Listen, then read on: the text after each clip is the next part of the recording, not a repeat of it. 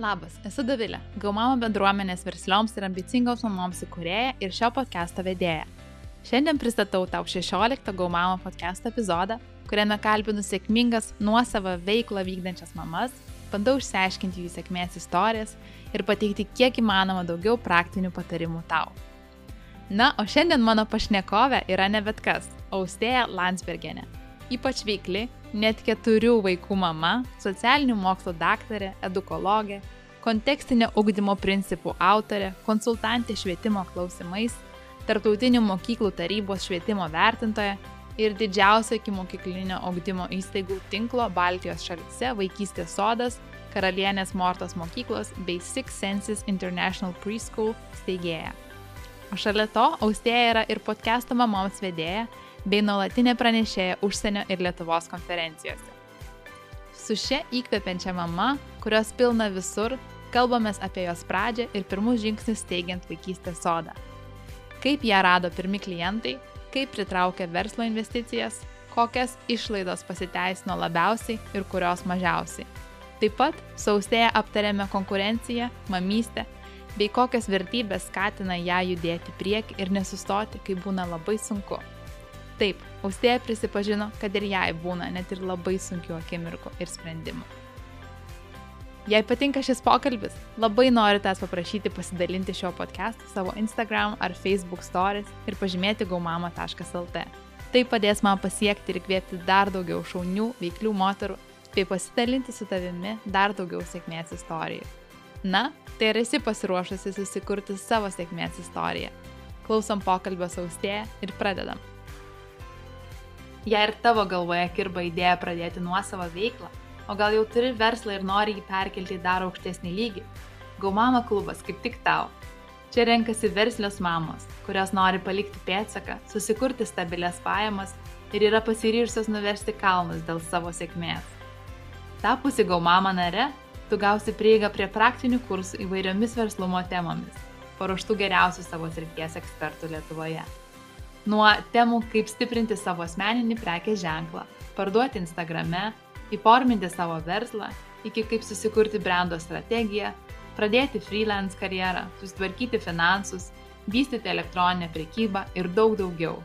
Taip pat kiekvieną mėnesį čia rasi vis po naują kursą, galėsi dalyvauti klausimų atsakymų sesijose, narių mastermind sesijose, sudalyvauti karštoje kėdėje, gauti daugiau viešumo o svarbiausia - būti apsupta vienintelės tokios Lietuvoje veiklių mamų bendruomenės, kuri yra ypač stipri, aktyvi ir palaikanti vieną kitą, kad niekada nesijaustum vieniša ir nesuprasta šiame sunkiame verslo vystimo kelyje.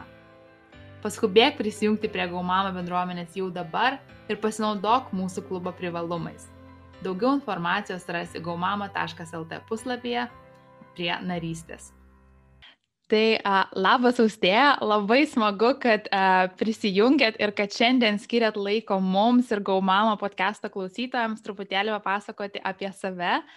E, kaip ir e, kalbėjome prieš įraš, pradedant šį podcastą, tai esate tikrai super veikli mama su keturiais vaikais ir N rolių ir, ir darželio įkūrėja, ir mokyklos įkūrėja, ir edukologija, ir socialinių mokslo daktarė, ir net esate tapus ir e, Lietuvos metų moterim, tai tas sąrašas turbūt begalinis. Tai, bet gal gali trumpai pati prisistatyti, kaip save vadinat ir kas esat. Labadiena, tai ačiū už kvietimą. Ir, na, nežinau, man, man visą laiką atrodo, kad vienas tokių didžiausių pasiekimų jau tų, kuo labiausiai didžiuojasi, tai, tai tikrai yra na, mokslo daktarės laipsnis. Dėl to, kad na, bet kuriuo atveju rašyti disertaciją yra ir rimtas, rimtas reikalas, rimtas sprendimas. Ir, ir, ir, ir man buvo e, na nežinau, sudėtingesnis turbūt negu, negu, negu keturi vaikai, kur, natu, man atrodo, labai, natural, nat, labai natūralus tas procesas.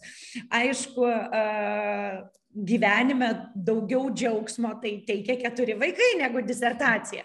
Tai čia vėl iš kurios pusės pažiūrėsi, ar ne, ar, ar iš filosofinės, kas aišku, ta, ta motinystė ir, ir vaikų auginimas jau, jau ilgame laike žiūrint, tai yra daug, daug sudėtingesnis ir daugialipiškesnis procesas negu disertacijos parašymas, bet, bet apsispręsti yra daug sudėtingiau disertaciją rašyti ir tą procesą pabaigti, nes jau kai vaikas yra, nu, tu nebeturi pasirinkimo, jau, jau turi tame procese dalyvauti, o disertacija tai tu kiekvieną dieną atsibūdęs pasirenki tęsti, pasirenki tęsti, pasirenki tęsti ir baigi.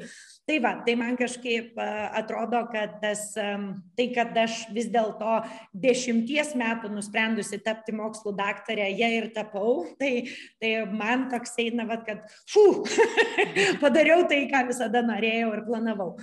O, o šiaip tai turbūt ir yra, kur aš dažniausiai ir, ir man atrodo, kai jau tarėmės, kaip norėtų, kad mane pristatyti, tai aš ir sakau, kad socialinių mokslų daktarė ir ir vaikystės sodo ir karalienės Mortos mokyklos steigėja. O jeigu jau apie asmeninį gyvenimą, tai va tas keturių vaikų mama, tai turbūt taip ir yra, kaip jūs ir sakėt. tai keturių vaikų mama, man tai atrodo kažkoks kosmosas, pati turiu dukrytę tik tai vieną, jai bus metukai, bet jau dabar na, norėtųsi daugiau, bet kartais, kai pagalvoju, kad dar antras, tai jau, jau sunkiai. Bet čia gal, gal yra priprantama ir paskui gerėja. Ir tai... sakau, su vaikais jau kai apsisprendi, tai ir apsisprendi ir viskas, jau, jau yra toksai sprendimas ir kažkaip tada psichologiškai ir, ir visom prasmėm yra, yra lengviau. Nėra taip, kad su kiekvienu vaiku lengvėja, bet turbūt su kiekvienu vaiku aiškiau yra ir, ir gal ir galima dėti šiek tiek to lygybės e, ženklo tarp lengvumo ir aiškumo, nes, na, susirga jau nebe pirmą kartą, išeina į darželį nebe pirmą kartą ir, ir jau vis ta patirtis auga, tai ta patirtis suteikia ramybės, o aš manau, kad kiekvienai mamai ir kiekvienam tėčiui ta vidinė ramybė yra labai svarbu. Tikrai taip. A, tai užsiminėt, kad sako, va, save vadinat a, vaikystės sodo ir darželio ir karalienės Mortos mokyklos steigėja.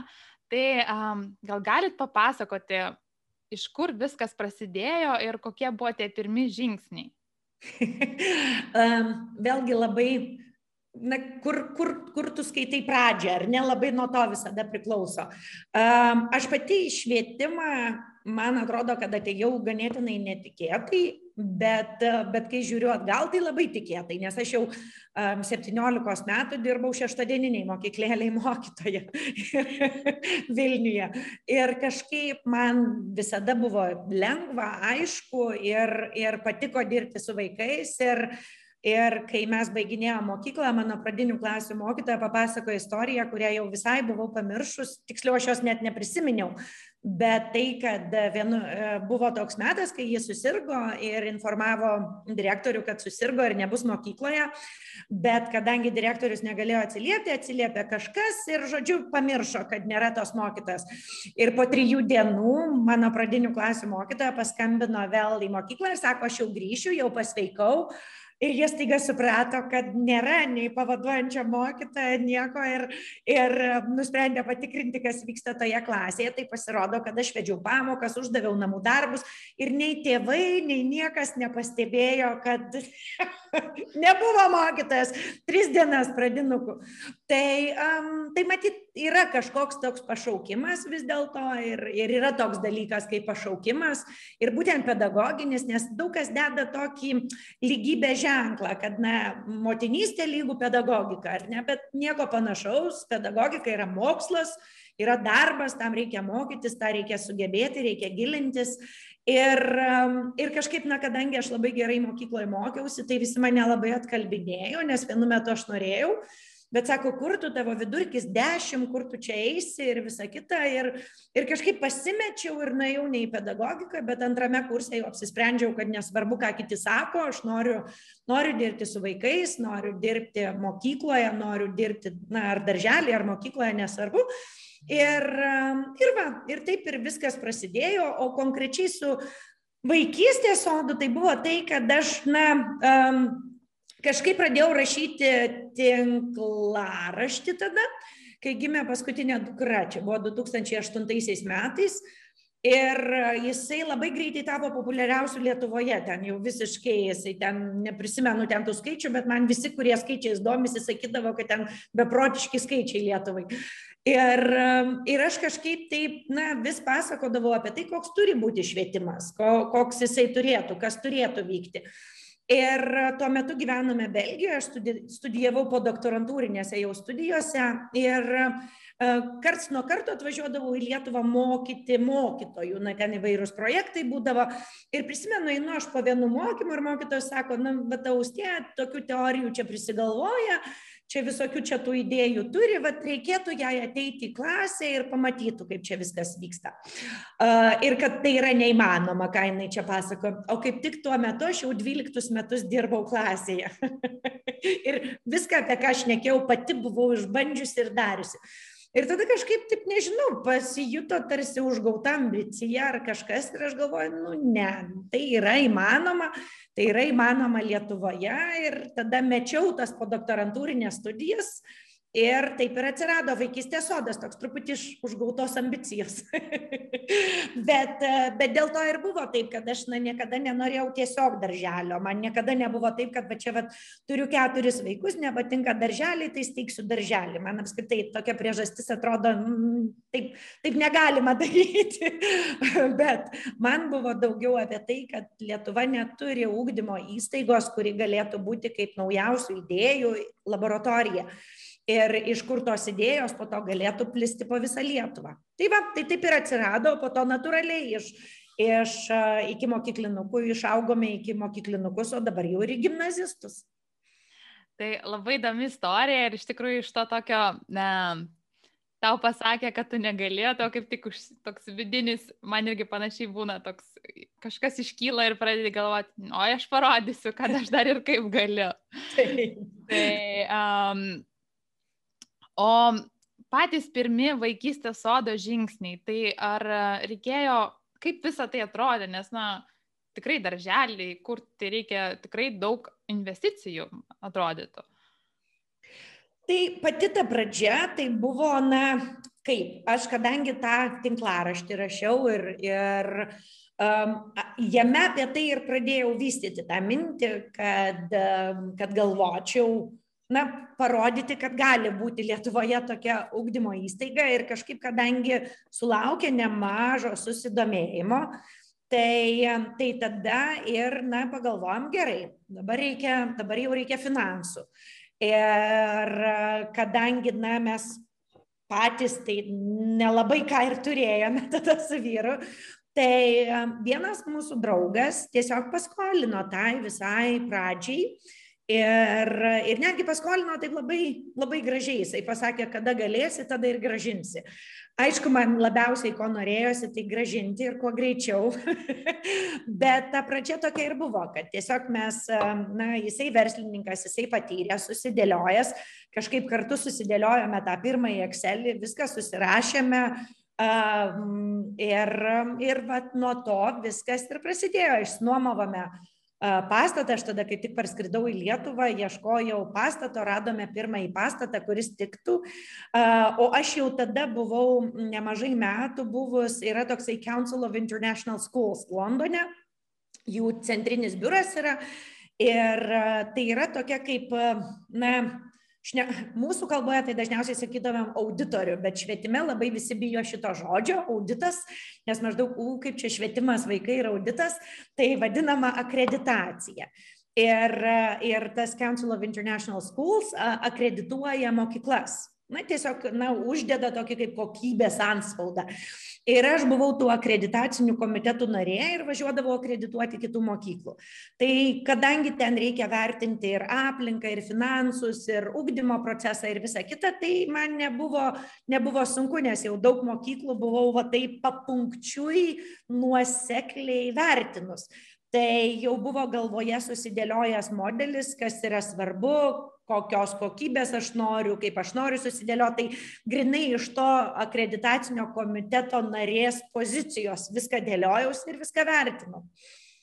Tai dar truputėlį norėčiau grįžti prie to tinklaraščio. Tai 2008 metai, um, tikrai tai buvo gana naujas dalykas Lietuvoje ir ne vien Lietuvoje galbūt, e, bet ar tuo metu tas tinklaraštis, ar jame buvo tiesiog, kad norėjimas pasidalinti savimi, ar tai buvo kažkokia gal nežinau, strategija, ar kažką galvojat, kad iš šito ga, kažkas galėtų būti, ar tai tiesiog buvo kaip hobis, kaip nežinau, būdas save išreikšti?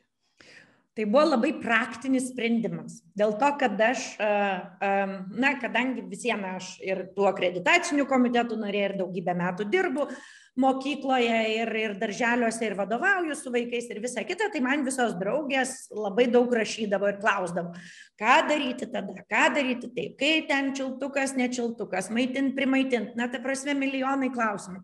ir, ir aš kažkada vyrui pasigaudžiau, sakiau, aš, aš išprotėsiu, man jau ten po 50 kartą kiekviena pasigimdo ir vėl tie patys klausimai. ir kažkaip, kažkaip vyras sako, tai tu surašyk viską. Nes aš sakau, aš dabar tai net neberašau iš naujo. Aš susirandu laišką rašytą kitai draugiai, ten nu, nukopi peistinu ir įmetu. Žiūrėk, aš jau rašiau tą jai, tai ir tau tas pats galioja.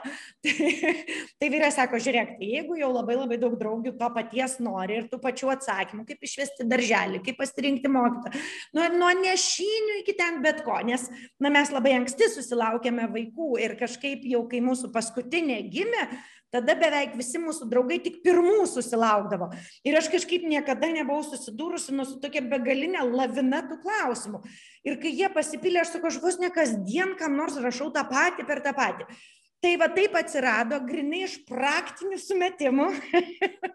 ir dar, kadangi dar mažoji gimė Belgijoje, tai labai seneliai. Nu, parodyk tą vaiką, parodyk, kaip jis auga. Taigi, tai čia vad mes tų vaikų visai nematom, kuo jie gyvena. Ir, na, kol parašai savo tėvam, savo sesiai, vyro tėvam, ten dar kas nors irgi išlenda, kas nori informacijos, sakau, žiūrėkit aš rašau tinklaraštį, ten ir ką mes veikiam, ir nuotraukos, ir dar atsakymai. Tai toks na, sprendimas buvo labai praktinis ir visiškai nebuvo kažkokios tokios ar strategijos, ar idėjos, dėl ko aš čia rašysiu. Daugiau buvo tai, kad aš susidūriau su problema ir tas tinklaraštis ją man išsprendė. Ir čia iš tikrųjų toks labai ir protingas, ir geras ir natūralus būdas, nes, nu, apskritai komunikuoti, kai mes, e, ar dabar, tarkim, Instagram, gal jau tinklarašiai mažiau populiarūs, na, e, Instagramas, tai tiesiog, nes čia tikrai buvo problema ir buvo poreikis ir tiesiog viskas labai natūraliai ir dėl to ir, manau, susitikinus, dėl to ir labai augo tų žmonių um, lankomumas, gal tas visas žinomumas, nes tiesiog tai buvo labai naudinga informacija, kuri buvo reikalinga, kurios jūsų prašė ir draugai, ir kolegės, ir, ir visi kiti. Tai tiesiog labai natūraliai. O tai, tai gerai, grįžtame, atsidarė vaikystės sodas ir kaip pritraukėt pirmus klientus? Visos šeimos buvo iš tinklaraščio. Visos.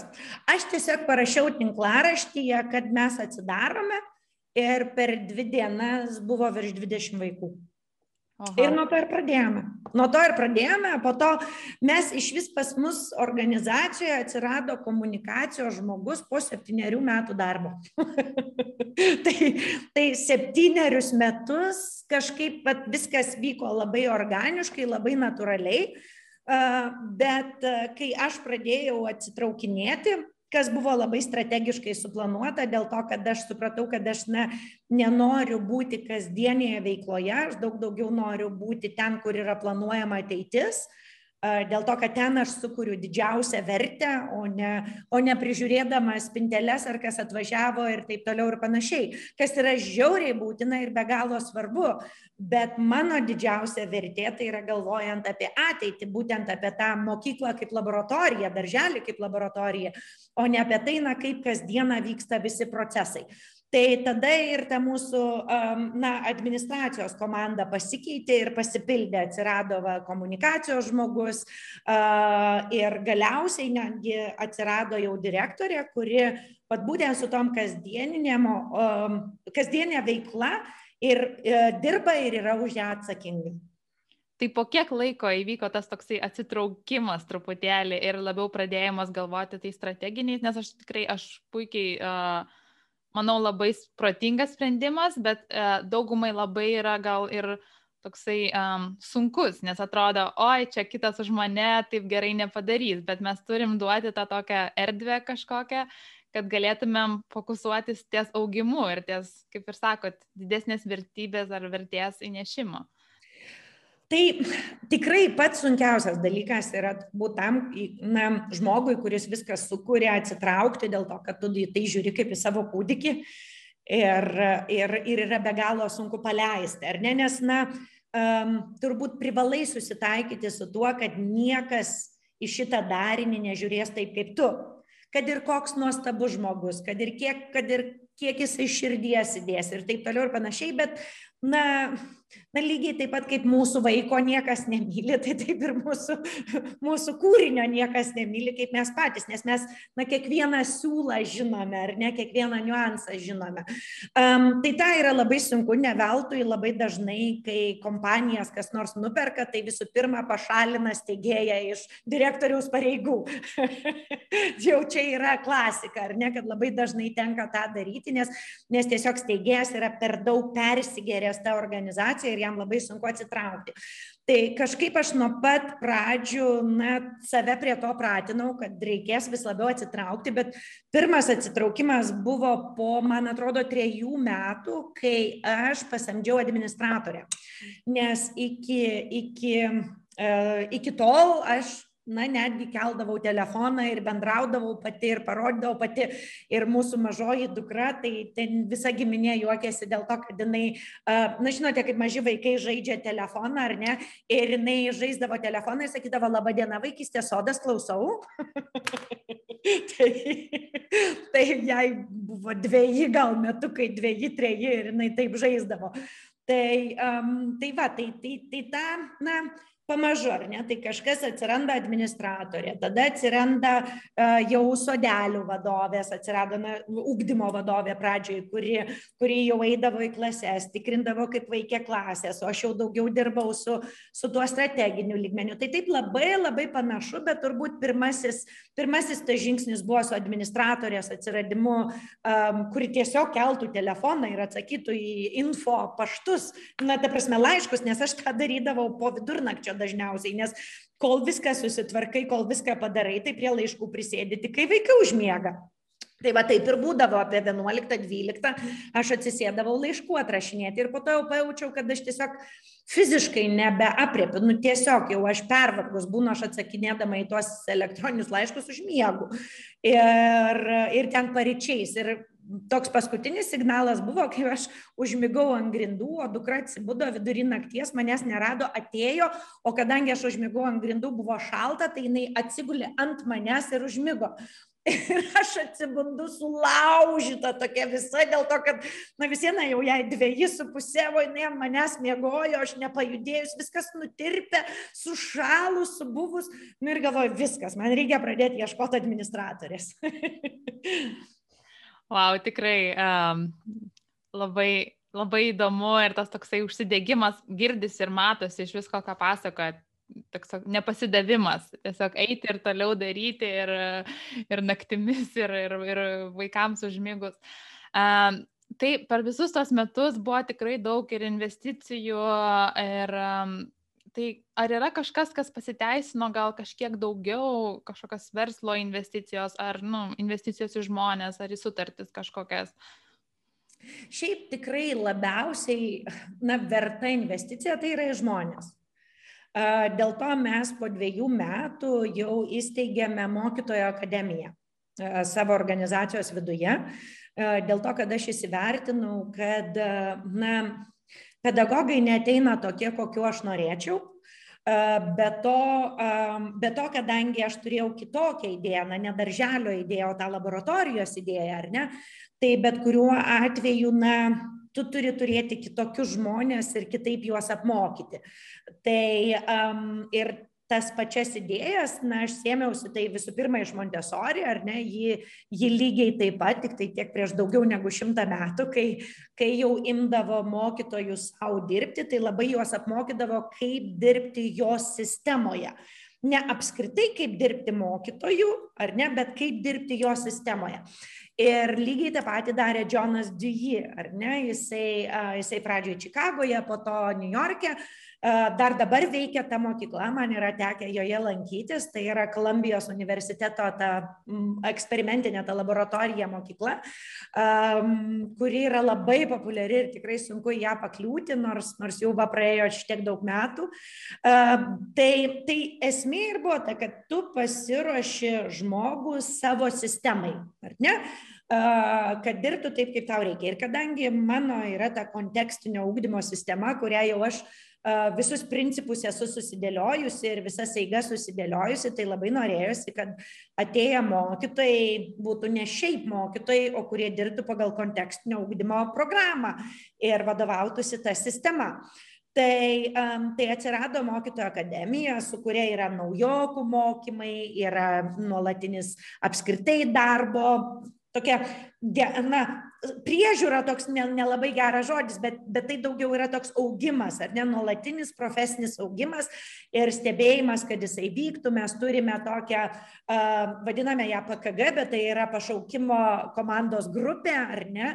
Tai yra jau mūsų mokytojai, kurie ilgiau dirba arba kurie turi na, labai didelį susidomėjimą tuo kontekstiniu ugdymu. Jie kas ketvirtį eina į kiekvieną klasę, reflektuoja su ten dirbančiu mokytoju ir taip toliau ir panašiai. Ir visa tai yra papildomos investicijos, na, nes mes kiekvienam tam žmogui, kuris jau eina, e, na, šiek tiek ir finansiškai motivuojame ir taip toliau ir panašiai.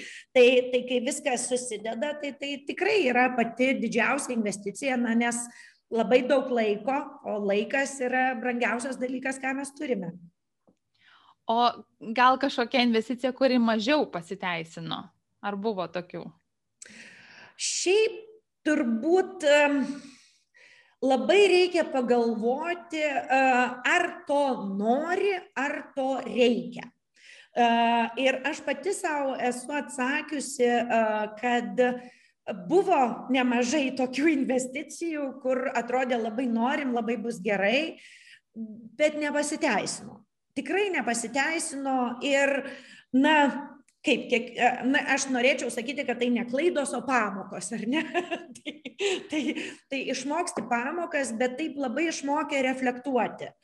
Ar, ar, ar to tikrai reikia? Ar tu tik to nori, nes čia bus faina, čia mes darysim, nes, nes e, visų pirma, žmonės nelabai mėgsta pokytį, mėgsta komforto zoną ir nelabai mėgsta pokytį. Tai, um, tai kartais tau atrodo, va žiūrėkit, kaip čia bus faina, kaip čia mes darysim, visą kitą, tu ten nuperki visus sodelius ir po to randi sandėliukę. ir pagalvoji, a, ten, ten pavyzdžiui, vat, buvo tokia investicija, atrodo, nu, kaip vienas, kaip ir nedaug, ten tokios sienelės medinės labai gražios ir, ir viena sienelė apie 500 eurų kainuoja ir visa kita. Ir atrodo, nu, bet, bet kai tu jas superki 10 sodelių ir atrodo, kad čia vat, viskas vyks ir čia ir taip, ir taip, ir tą galima daryti ir po to pamatai sandėliukuose, nu, tiesiog padėtas, kaip, ah, maždaug ką čia.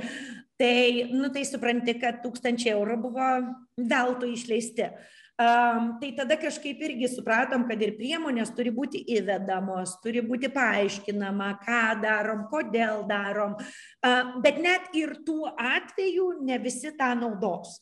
Tai, tai, tai vad būtent su tom inovacijom ir su pokyčiais reikia labai um, visų pirma turėti tą pokyčių, na, pokyčių valdymo sistemą ir um, tam, kad ji taptų testinė, o ne tiesiog vienkartinė tokia injekcija. O man labai visada patinka daryti kažką į gilį. Man labai nepatinka paviršius. Aš labai gerai prisimenu, kai pas mus atėjo iš kito darželio mokytoja, o mes Facebook'e buvome matę, kad jie dirba na, e, su kimočio emocinio ugdymo programa. E, mes prieš dešimt metų, 11 jau dabar ją pirmieji atsivežėme į Lietuvą, ten dirbome su psichologais, apmokėm mokytojus ir iš mūsų, vat, koks ir tikslas, ar ne, yra mokyklos laboratorijos, jį išplito po visą Lietuvą. Tai čia vat vienas iš tų, kuo mes labai džiaugiamės ir didžiuojamės, kad mes tą programą paskleidėme po visą Lietuvą. Bet ateina mokytojai iš ten, aš mačiau ir Facebook'e yra, ir sako, kad dirbam ir taip toliau ir panašiai. Sakau, tai tau su šituo turbūt net nereikia mokymų, viskas aišku. Nu, ką reikia daryti? Ir aš sakau, taigi palauk, taigi yra visa programa, yra žingsniai, yra raktai, yra taip toliau ir panašiai. Ir jinai sako, ne, ne, ne, mums nupirko ir sako, Landsbergė neturi, tai ir mes turėkim. tai, tai, tai aš tada supratau, kad jeigu turi, dar nereiškia, kad taip dirba. Bet taip yra, na, tas pats su kai kuo būdavo ir pas mus, ar ne, Vat kaip ir minėjau, su tom senelėm. Tai, tai reikia labai, na, tokio sistemiško įvedimo, sistemiško darbo, kad, kad dalykai, kurie, na, tu nori, kad vyktų, vyktų. Nes man visada atrodo, na, kad tai, jog mes turim, yra labai labai netvaru ir vieną dieną visada įla išlenda iš maišo. O šiek tiek vat, palėtė tą tokią, na, ne konkurenciją, bet, um, bet vis tiek kažkiek konkurenciją. Tai um, norėjau pašnekėti apskritai, kaip jūs į tai reaguojat ir um, kaip su tuo, nežinau, kovojat ar nekovojat. Čia ruoždamas šitam pokalbiui, um, girdėjau jūsų um, kitą interviu, kur uh, minėjot apie tai, kaip uh, pradžioje daug investavot į sutartis ir um, tikrai sumokėt nemažai pinigų sutarčiai ir paskui po kelių mėnesių ar tai metų pamatėt, kad kita švietimo ūkdymo įstaiga panaudoja žodis prie žodžio tą pačią sutartį, ar tai radot, ar tai tekstus website, gal irgi panaudotus panašius. Tai kaip į tai reaguoti ir apskritai, ar verta, na, nervuotis dėl šito? Na, turbūt taip, kad visai nesijaudintum ir nesinervintum neįmanoma, ar ne? Na, kiekvieną kartą tai suerzina. Ir, ir ypač, kai akivaizdžiai, ar ne? Aš labai gerai prisimenu, kai mano sesė paskambino visai pikta, pikta ir sako, jie net spalvas jūsų logotipo nuvogė. ir, ir, na, Ir tai aišku, kiekvieną kartą būna toks, ar ne, na, suerzina, bet kuriuo atveju, dėl to, kad tu tai sėdi, skaitai, mokaiesi, investuoji į save, investuoji į, na, darbą su žmonėmis, ar ne, na, pavyzdžiui, su teisininkais, dėl to, kad aš, na, tikrai kalbant apie tas sutartis, tai kadangi aš, mano vienas iš magistrų yra amerikietiškas ir mane amerikiečiai labai mokė, kad sutartis yra labai svarbu, nedžiazuok, o sėsk ir labai labai rimtai jas visada žiūrėk. Tai, tai aš tikrai nuo na, pat pirmųjų dienų samdžiau teisininkus, mes sėdom ir aš prisimenu, tada atrodė taip baisu tūkstantį litų sumokėti sutarčiai ir visa kita. Bet, bet aš supratau, kad na, aš privalau tą daryti ir visa kita. Ir, Na ir po to, aišku, skaudžiausia buvo, ten buvo iš mūsų išėjo kelios šeimos ir jos įsteigė savo darželį ir vat, paėmė mūsų sutartį. Ir tada buvo maždaug, a, toks, na, labai, labai, labai pikta buvo. Bet vėlgi, na, jeigu tu visą laiką grėžiosiesi atgal ir pyksi, tai vėlgi bus netvaru. Nes tavo galva ir turi būti švari, ir mintis turi būti švarios kad, kad galėtų gimti naujos, ar ne, ir, ir kad galėtų būti kūrybingas, ir kad, ir kad na, tą laiką na, skirtum negalvodama apie tai, kad va, čia kokie jie, o, o tą laiką skirtum galvodamas gerai, tai, tai jeigu jie ima, tai vadinasi, aš darau labai gerai. Čia yra komplimentas. Ir tol, kol kopijuoja, ima ar net vagia, na tai reiškia, kad mes darom labai gerai. Ir, ir tai yra tam tikra prasme komplimentas. O aš nežinau, man niekada idėjų netrūko, aš kaip tik save netgi turiu stabdyti dėl idėjų, o būtent dėl to, kad na, žmonės kartais tiesiog net išsijungia nuo tų mano idėjų, kiek jų daug yra ir visa kita, tai aš sakau, nu man negaila, kad mano senas idėjas ar seną įdirbį jie panaudos, aš tiesiog judu į priekį. Tai, tai turbūt ir patarimas būtų toks, kad žiūrėti ne atgal ir ne į praeitį, o daug daugiau koncentruotis į ateitį ir į tai, aš, kur aš noriu mus matyti po penkerių metų, kur aš noriu mus matyti po metų. O praėjo, na, nežinau, na, jeigu čia tokia metafora yra, bet jeigu jums tinka trupinukai nuo mano stalo nubirėję, nu tai prašau. Labai puikiai pastebėjot ir um, tas toksai netgi aš šiuo metu vat, pagalvojau, kad jeigu mes per daug, um, na, nes tikrai nervuoja ir erzina, kai pamatai, kad kitas nukopijavo ir man teka yra susidurti, um, bet jeigu mes erzinsimės ir nervuosimės, tai vadinasi, mes tam žmogui netgi gero padarysim, nes vadinasi, atimsim kažkiek laiko iš to laiko, kurį galėtumėm skirti, kurdami dar daugiau vertės ir kokybės savo, savo auditorijai, savo klientams. Ar tai puikus pastebėjimas toksai tiesiog nesigręžti, nuryti ir eiti tolyn ir priimti kaip komplimentą. Tai būtent priimti kaip komplimentą, kad jeigu jūs įmat, tai vadinasi, aš taip gerai viską darau, kad jūs net nenorite net, net kažkaip pakoreguoti. Tiesiog imate nuo iki viską lygiai taip pat. Aš prisimenu, aš kalbėjau su tinklalapio, kurie irgi labai nukopijavo viską žodį žodin, ką mes buvome parašę. Ir aš paskambinau pati, sakau, nu man net įdomu bus pašnekėti su žmonėmis, kurie nu net nepakeitė, net formuluočių nepakeitė, tik kainas kitas įrašė, aišku, pigiau ir visa kita. Ir aš paskambinu ir sakau, sakau, sakau, sakau, jūs suprantate, kad čia yra autorinis dalykas. Ir man sako, mes pakalbėsime su žmogumi, kuris visą tai rašė. Ir aš sakau, jūs kalbate su žmogumi, kuris visą tai rašė. Nes aš, na, nors ir bendravome su, su agentūra, kuri padėjo viską daryti, bet, bet tekstus, na, iš esmės pagrindinės idėjas visas buvau surašiusi aš. Dėl to aš taip ir atpažinau tą tekstą, nes tai buvo mano tekstas. Tai va, tai tokie dar turim ir tokių juokingų istorijų. Tai aš sakau, kažkaip reikia, reikia išmokti tai žiūrėti su humoru ir kaip į komplimentą, kaip į komplimentą savo, o tada tiesiog judėti į priekį ir toliau ir mokytis. Ir, ir kitas dalykas, aš manau, kad konkurentai yra labai gerai, dėl to, kad jie nuolat mina ant kulnų, nes būtent tada kyla klausimas, e, nes jeigu tu neįneisi į priekį ir nuolat netobulėsi, tai vieną dieną jie viską pasims ir tada kils klausimas, o tai kuo jūs geresni? Ar ne?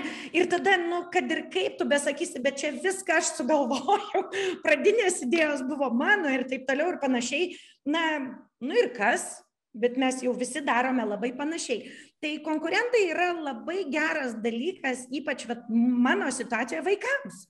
Dėl to, kad na, konkurentai nuolat lipdami ant kulnų ir kvepuodami į kaklą priverčia tave nuolat eiti į priekį, neužsnūsti, neužmygti ir labai stengtis visą laiką, o nuo to daugiausiai tai laimi vaikai. Tai, tai yra gerai.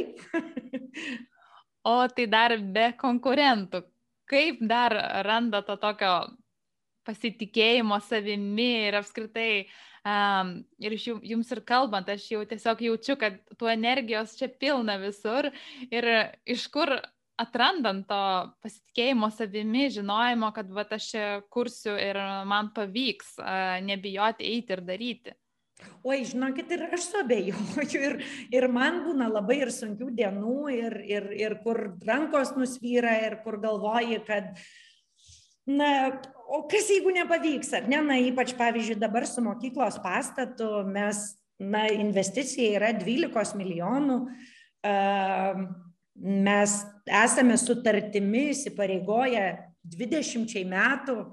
Man bus 20 metų daugiau, kai baigsis įsipareigojimas Ir, ir aš prisimenu, kai mes tą sutartį pasirašėme, tai vietoj džiaugsmo man pradėjo sapnuotis košmarai. Aš pašokdavau iš miego šaukdama, ar ne, nes, atrodo, nes aš sapnuodavau, kad aš susirgau ir nebegaliu įvykdyti įsipareigojimų, kad, kad kažkas atsitiko ir aš nebegaliu įvykdyti įsipareigojimų, kad mes nesurinkome kaip mokykla vaikų ir aš negaliu vykdyti įsipareigojimų ir virš manęs kabo, ar ne, šitiek milijonų, kurie per 20 metų iš vis bus dar daugiau milijonų ir visa kita. Ir, ir, ir tai yra baisu, na, na, bet kuriuo atveju tai yra labai didelė atsakomybė, atsakomybė prie žmonės, kurie dirba mūsų organizacijoje, atsakomybė, na, prieš šeimą, tai yra, na, tai, yra, tai yra daug mažiau džiaugsmo ir daug daugiau nerimo.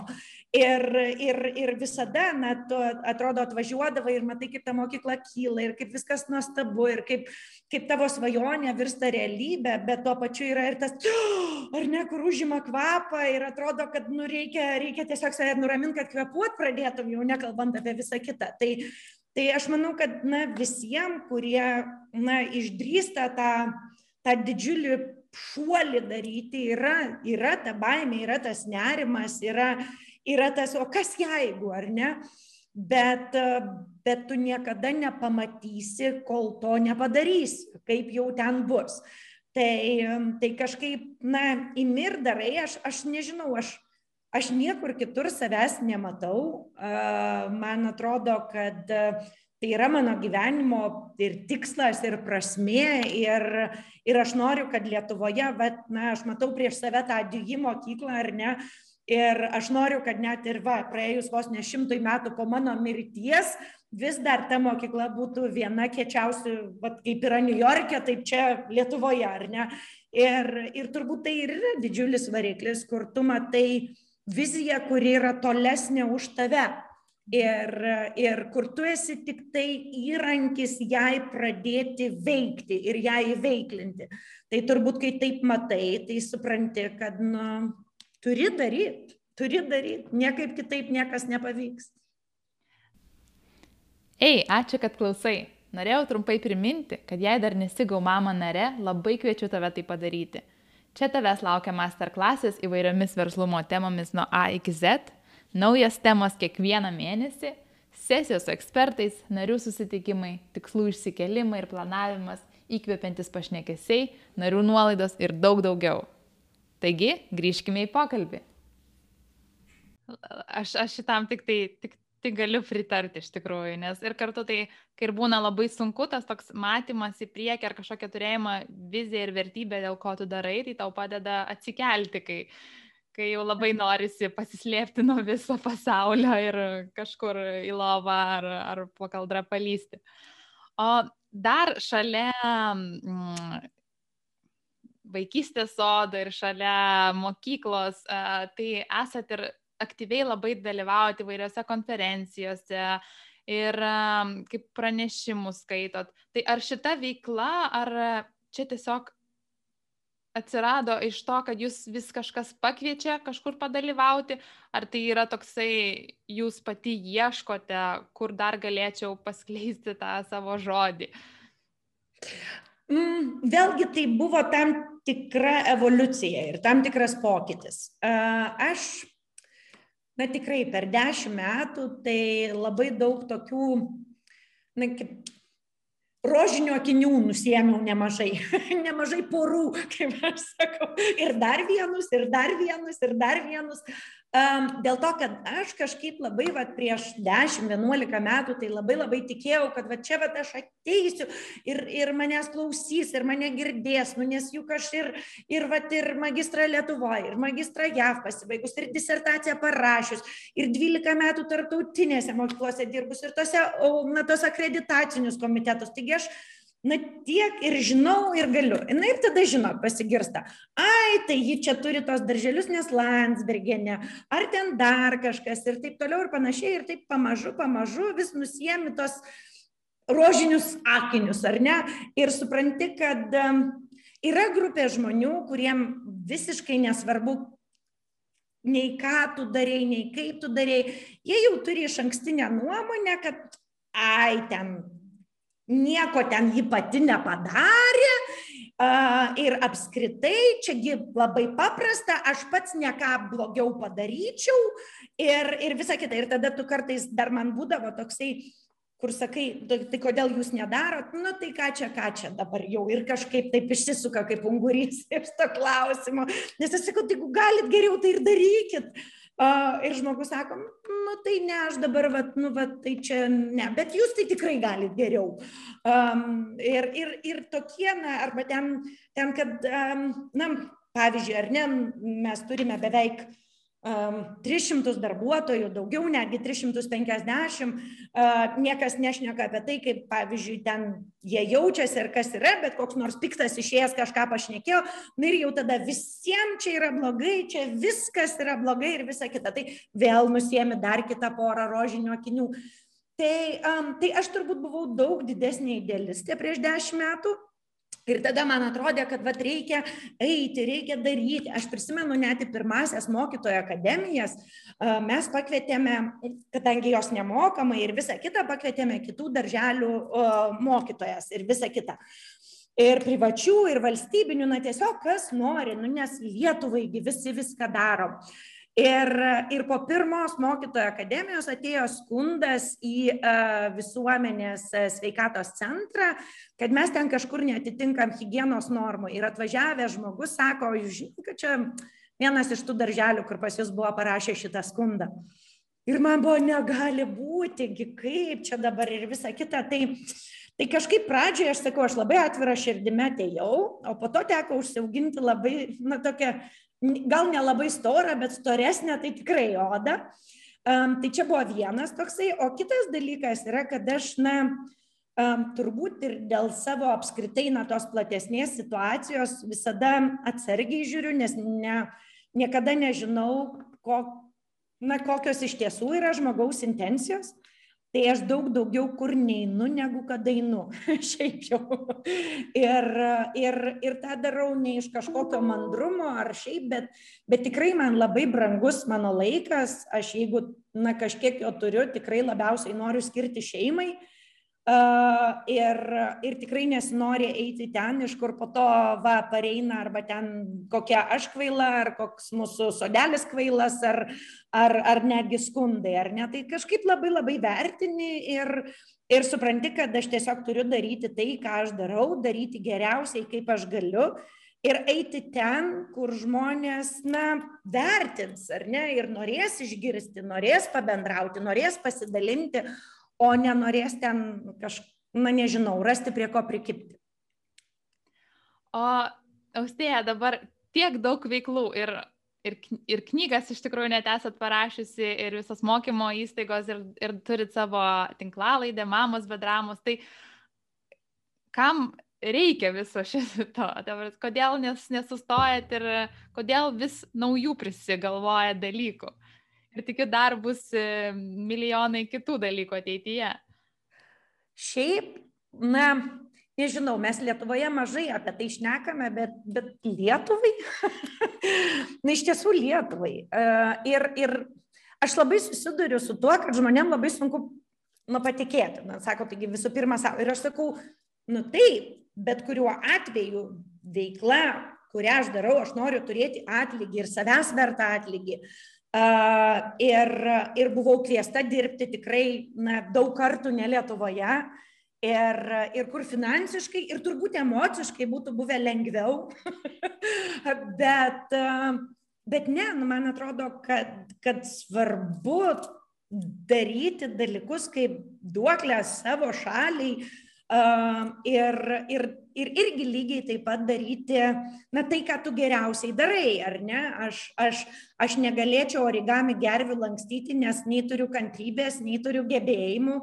Ir, ir jaučiu didžiulę pagarbą tiem, kurie šimtus jų išlanksto tam tikromis dienomis ir taip pat kreipia dėmesį į tam tikras socialinės problemas. Bet man atrodo, kad, kad būtent kalbėdama per mamos, bedramos ir dalindamasi patirtimi ir pasikviesdama žmonės, kurie gali įnešti tam tikrą kampą ir praturtinti ir, ir diskutuoti tam tikromis temomis, kurios galbūt na, ne visada yra um, diskutuojamos Lietuvoje ir ne visada girdimos. Um, tai aš užsimu tą šviečiamąją ir auginančią veiklą, kurios, kurios prasme matau ir tikiu ją. Tai, tai kažkaip man atrodo, kad tie dalykai svarbus ir knygos lygiai taip pat. Aš, aš, aš jas rašiau per savo atostogas, per savo savaitgalius ir, ir atimdama laiką ir, ir skirdama laiką, ne, ne kaip pagrindinę savo veiklą, nes mačiau tai kaip duoklę Lietuvai irgi. Ir, ir kažkaip, na, na taip visa ta dėlionė ir dėliojasi, kad kažką tu matai kaip savo uh, idėjinę veiklą, kažką tu matai kaip savo šviečiamąją veiklą, kurią tu privalai, nes gali ir tu neši tą atsakomybę. Ir kai ką matai kaip veiklą, kur, na, bet kuriuo atveju žmogus turi gauti atlygį už veiklą, kurią jis daro. Aš visada sakau, kad net ir nevyriausybinės organizacijos turi dirbti pelningai, nes kitaip jos turės užsidaryti.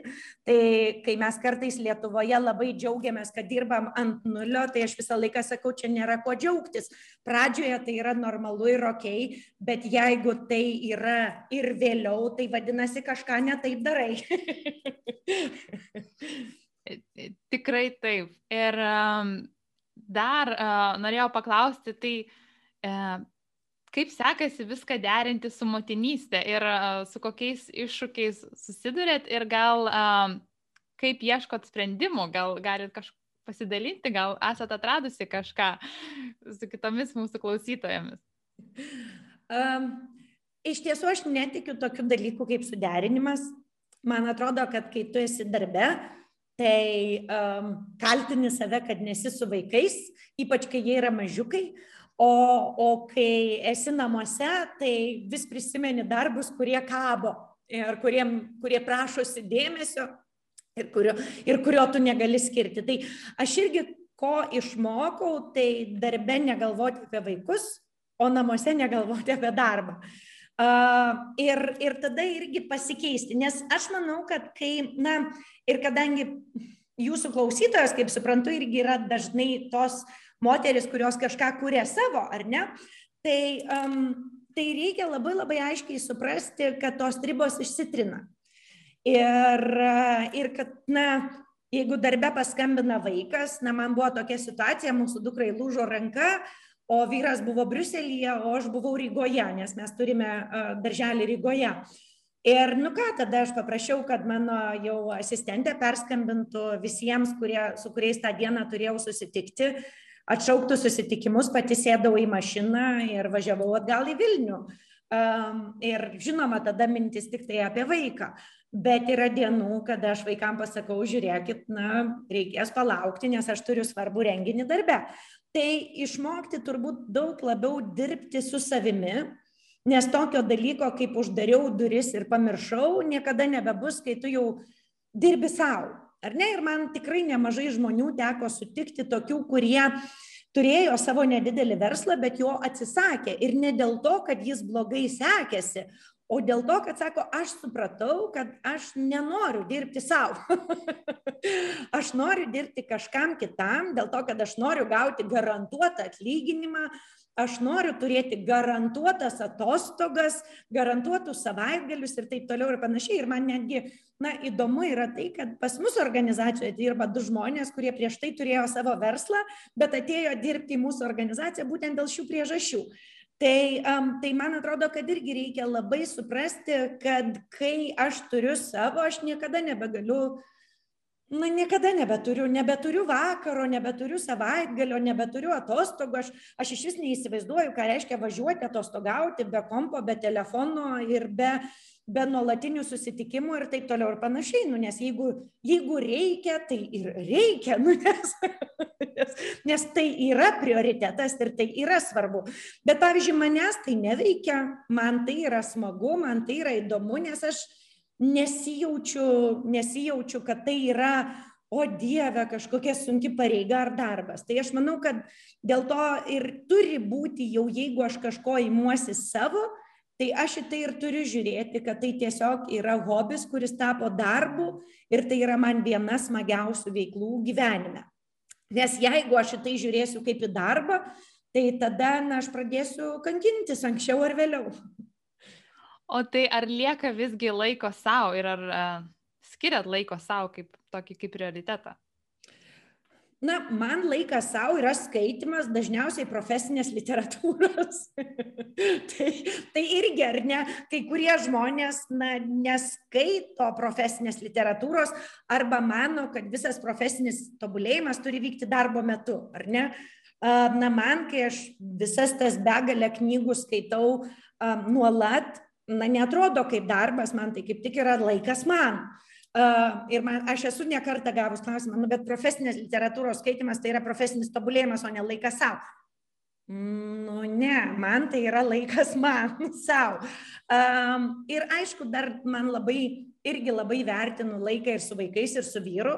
Bet mes su vyru irgi, kadangi abu esam labai užimti, tai planuojam visus mūsų pasimatymus. Jau kai kažkur norim išeiti, tai abu įsirašom į kalendorius ir, um, ir abu du, na tada jau nieko nebesusiplanuojam ir einam tik tai dviese. Tai vėlgi esu gavus nekartą klausimą, nu bet tai kokia romantika, koks spontaniškumas na nežinau man atrodo kad romantiką mes irgi susikuriame patys jeigu jeigu jos nekuriame tai ten planuok neplanavęs jos tada tiesiog nėra mhm. Ir e, tas toksai užsiblokavimas, e, tai ar tai susitikimams su vyru partneriu, ar tai sportui, tai tikrai labai veikia ir yra gera praktika tikrai daugumai. Na, tikrai, tikrai taip, pavyzdžiui, man, man su sportu yra lygiai tas pats, kol aš neturiu įsirašius, tol visada atsitinka kažkas svarbesnio. Bet kai jau turi įsirašius, viskas, tai ir pavyksta. Tai tiesiog elementarių darimo būdu viskas pasidaro. Na, o dar pabaigai norėjau paklausyti, tai jeigu galėtumėt atsukti um, laiką atgal, ar kažkokį patarimą savo duotumėt? Aš galbūt norėčiau būti anksčiau išmokusi, neimti taip į širdį dalykų, tikrai, man atrodo, kad tai suvalgė daugiausiai mano sveikatos ir, ir, ir, um, ir tai buvo neverta. Tai buvo iš tiesų neverta, nes kažkaip labai norisi patikti, labai norisi sutarti, labai norisi, na tikrai labai norisi, ar ne?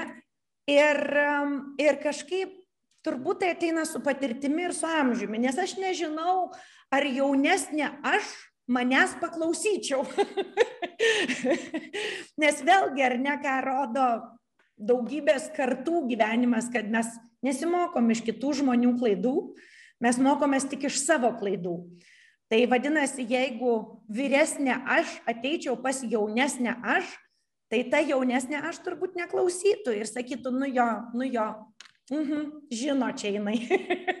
o vis viena pati per tai turėčiau pereiti. Tai tai kažkaip tą labai norėčiau, kad, nu, galbūt vis dėlto kas nors išgirs, kad, kad reikia stengtis visų pirma dėl savęs ir dėl tų, kuriems tu rūpi, um, su kuriais, kurie tau iš tiesų svarbus. Man, um, kai Stanforde mokiausi, vienas profesorius labai gražiai pasakė, sako, mm, klausykite patarimų tik tų, kuriuos gerbėte. Nes jeigu žmogaus negerbėte, tai turite išmokti nekreipti dėmesio į tai, ką jie sako. Ir jisai yra na, labai žinomas Stanfordo profesorius. Ir, ir aš sakau, gerai, bet tai kaip žinot, sako, vad susirašyk penki žmonės, um, pas kuriuos tu dažniausiai eini, kai tau yra sunkiausia. Ir viskas. Sako, visa kita išmok tiesiog įkvėpti, iškvėpti ir paleist. Ir, ir tai buvo vienas geriausių patarimų, kuriuos aš esu gavus gyvenime, bet užtruko, kol aš pasijaučiau bent šiek tiek mokanti tą padaryti. Labai puikiai suprantu ir iš tikrųjų dabar klausausi iš to patarimo ir tikrai galvoju, kad pati pasistengsiu jį panaudoti, bet žinau, kad tai užtruks, nes yra tos pačius komentarus ar kažką ir atrodo savo pasakai, nereaguosiu, bet vis tiek sureaguoji, nes, nu, tokie jau esam, kažkiek sureaguoja, aišku, turi praeiti laiko, gal, kad sakyčiau, gerai, Davilė, viskas yra ok, nereaguok. tai um, dar visiškai pabaigai keletą tokių linksmesnių klausimų, tai kava ar kava su pienu? Kava kava juoda. E, knyga, kurią dabar skaitot? Oi, dabar tik vakar pabaigiau uh, knygą apie uh, paauglių smegenis ir dėl to, kad na, vesiu seminarą čia uh, už kelių dienų ir tuoj tuoj, va, pasiemiau naują knygą, tai jos dar net nepradėjau, bet jau, jau ir atsinešiau. Ir čia yra irgi apie ankstyvąją paauglystę mokykloje. Tai va, tai jinai vadinasi Fires in the Middle School Bathroom. Ir, ir šita knyga yra parašyta bendradarbiaujant autoriai su paaugliais ką jie norėtų, kad apie juos žinotų mokytojai ir tėvai. Labai, labai įdomi knyga tikrai atrodo. Kai man prieis tas laikas, gal irgi reiks prisiminti. ir vieta, į kurią nekantraujat sugrįžti. Oi, geras koks klausimas. Roma. Roma. O. Roma. Dabar turbūt bet koks užsienio miestas atrodo kaip pasaka ar apskritai išėjimas kažkur su suknelė, pasėdėjimas bare. Tai, Man apskritai Roma yra kažkoks toks miestas, kur kiekvieną kartą nuvažiavus aš pamačius tą žmogaus kūrinio didybę prieš tiek tūkstančių metų, kažkaip labai nuolankiai tą priimu ir labai pasijaučiu tokia maža ir, ir kiek dar visko galiu ir turėčiau gyvenime padaryti visą tai matydama. Tai toks, toks visada labai geras nuolankumo testas būna man Roma, kai pamatai ir net atrodo užgniaužia kvapą. labai gražiai pastebėta ir iš tikrųjų ačiū Jums, Austėja, už šitą pokalbį. Tikrai buvo, na bent jau man tai labai įkvėpėt, labai užmotivavot ir tikrai uh, radau daug naudingų patarimų ir tikiuosi visos mūsų klausytojas jų taip pat rado. Tai ačiū Jums austėje ir dar pasakykit, kur galima Jūs sekti. Oi, tai galima Facebook'e sekti. Aš turbūt ten aktyviausia esu, nes čia visai neseniai pamačiau linkedinę žinutę, kuri gal prieš dvi savaitės buvo parašyta, o, bet aš turiu problemą su žinučių tikrinimu. Ir, ir mamos be dramos tikrai kažkaip norisi, kad kuo daugiau tėvų klausytų ir pradėtų mėgauti savo tėvystę ir motinystę. Tai už tai ačiū Austėja ir ačiū visoms ir iki. Ačiū Jums už kvietimą. Iki. Ačiū tau, kad klausėsi. Naujas įrašas išeina kiekvieną savaitę, tad nepamiršk prenumeruoti Gomamo podcast'o savo mėgiamuose podcast'o platformose. O jei nori sužinoti daugiau apie Gaumamo bendruomenę ir kaip ji gali padėti tau susikurti nepaprastai sėkmingą veiklą, kviečiu apsilankyti gaumamo.lt puslapyje, kur rasi daugiau informacijos ir galėsi tapti mūsų augančios bendruomenės, jungiančios pačias motivuočiausias mamas nare. Čia tavęs laukia masterklasis įvairiomis verslumo temomis nuo A iki Z, naujos temos kiekvieną mėnesį sesijos ekspertais, narių susitikimai, tikslų išsikelimai ir planavimas, įkvepiantis pašnekesiai, narių nuolaidos ir daug daugiau.